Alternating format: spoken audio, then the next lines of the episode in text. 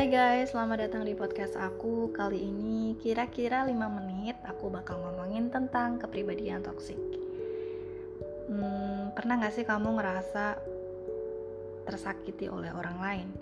Mungkin mantan kamu, pacar kamu, teman kamu, atau bahkan keluarga kamu sendiri. Terus kamu mikir, aduh mereka tuh toksik banget sih, aku jadi gak nyaman deh. Terus kamu pun menjadi stres dan bingung mau ngapain Toxic itu sendiri berasal dari bahasa Inggris yang artinya racun. Jadi kalau digabung toxic people itu sendiri adalah orang yang beracun. Seorang yang suka menyusahkan orang lain, baik secara fisik maupun emosional. Ciri-cirinya biasanya mudah marah karena hal-hal kecil, terus nggak bisa menghargai privasi orang lain, selalu ingin tahu, nggak peduli sama pendapat orang lain, memaksakan kehendak, merasa keinginannya harus diturutin, mudah tersinggung sampai orang-orang di sekitarnya takut untuk mengutarakan pendapat. Dia posesif dan pencemburu dan suka menghakimi orang lain dengan kata-katanya. Hmm, tapi pada awalnya manusia itu tidak tercipta tiba-tiba menjadi toksik kayak gitu, enggak. Biasanya orang yang toksik itu tertular dari orang toksik yang lainnya pernah mengalami pengalaman traumatis dengan seseorang dia pernah disakitin dan akhirnya dia menjadi trauma. Mungkin oleh orang tuanya oleh temannya oleh pasangannya. Jadi trauma ini membentuk pribadi yang ofensif. Jadi banyak sih latar belakang itu semua yang kemudian membuat orang menjadi toksik itu sendiri. Nah dari ciri-ciri yang aku baru sebutin tadi apakah ada teman kamu atau pacar kamu keluarga kamu yang punya ciri-ciri itu. Tapi sebelum sebelum melabeli seseorang dengan sebutan toksik itu tadi, mari kita kembali ke diri kita sendiri.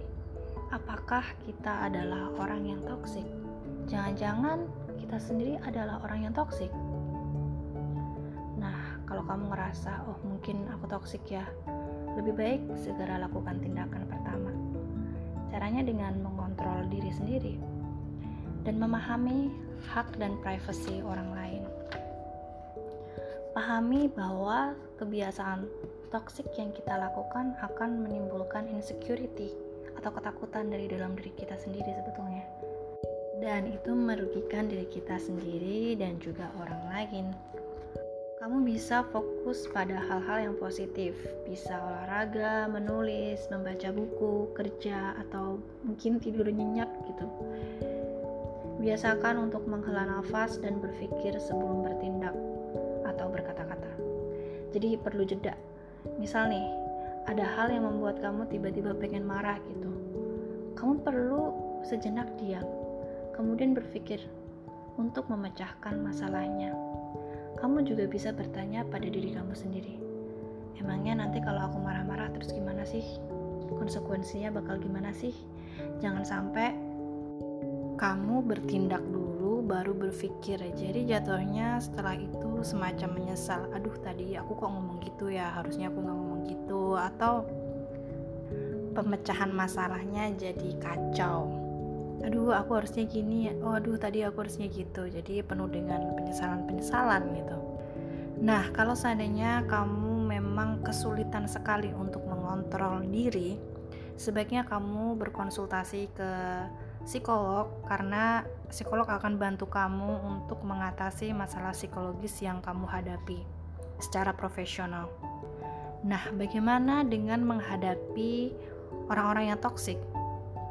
Yang pertama, kamu jangan pernah berharap bisa mengubah orang-orang toksik ini menjadi tidak toksik.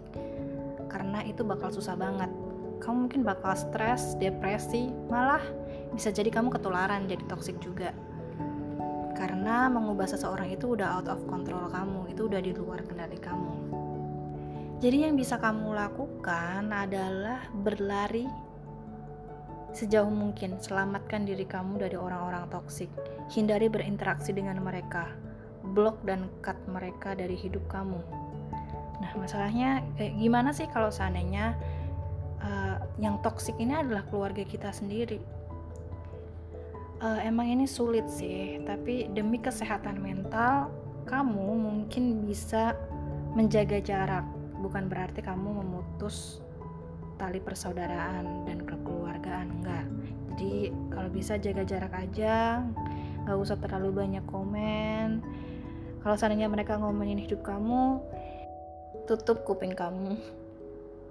Serapat-rapatnya. Demi kesehatan mental kamu oke okay, Uh, semoga podcast aku hari ini bisa bermanfaat buat kalian semuanya. Jangan lupa untuk pantengin terus podcast-podcast aku selanjutnya. So, see you next time.